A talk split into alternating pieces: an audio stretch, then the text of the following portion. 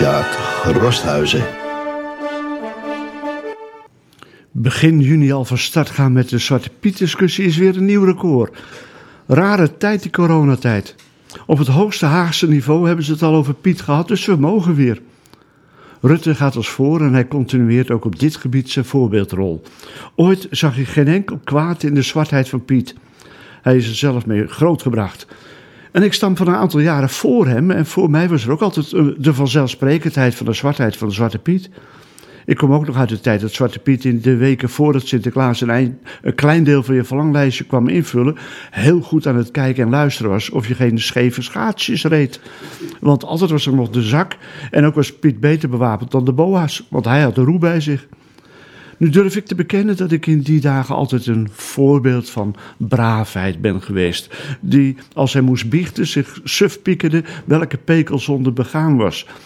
En ik weet het niet helemaal zeker meer, maar er moeten momenten geweest zijn dat ik toen dacht dat ik al lekker bezig was heilig te worden.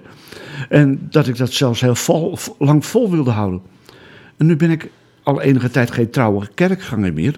En mij verontrust het me ook niet meer de, vrees dat ik de status van heilige niet meer zal bereiken. Vanwege de in de afgelopen 50 jaar opgelopen drie bekeuringen voor enkele kilometers te snel rijden.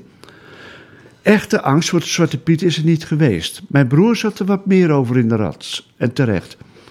Ik heb ooit als een roet Zwarte Piet in Den Helder tijdens de intocht meegevaren en gelopen en me met de kindertjes op de koude kade enorm vermaakt.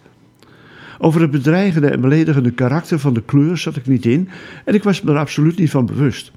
Ik was me er in de jaren als schoolmeester ook niet bewust van dat het Sinterklaasfeest in de klas voor de donkergekleurde kinderen een bezoeking was. Zwarte Piet was er voor het strooigoed en de malligheid. En het kan ook zijn dat ik door onwetendheid blind was. Vorig jaar speelde ik de Sint in het verzorgingshuis waar mijn schoonmoeder verblijft. En er waren twee zonen van een andere bewoonster die al een aantal jaren de begeleidende Pieten speelden. Zwarte Pieten. Als die een andere kleur moest, zouden ze afhaken. Voor hen was het meer een principezaak dan voor mij. Wat mij betreft kon elke kleur, maar voor de dementerende oudjes zou stroopwafel en roetveeg verwarrend kunnen zijn. Het zwart zit bij die, eh, bij die oudjes nog net zo in het geheugen als Sinterklaasliedjes. In vet West-Fries dialect dolden de pieten met de oudjes die het allemaal nog net begrepen. De woede die de demonstranten de afgelopen dagen naar elke demonstratiestad eh, meenamen, is gewoon terecht. Niet alleen die idiote aanpak van de Afro-Amerikaanse burgers moet je tegen de borst stuiten, maar ook dergelijke benaderingen van gekleurde mensen in Nederland.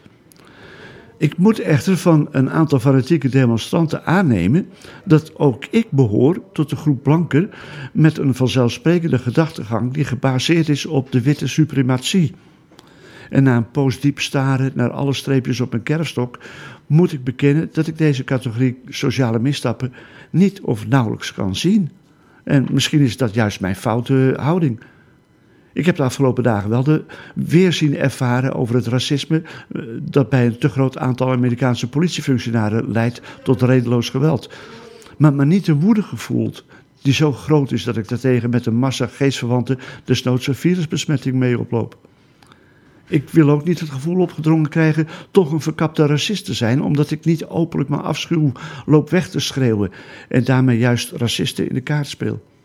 Ik ga ook niet mijn vrienden en kennissenkring natellen op het aantal gekleurde mensen om zo een maatstaf te kunnen tonen van mijn goede inborst.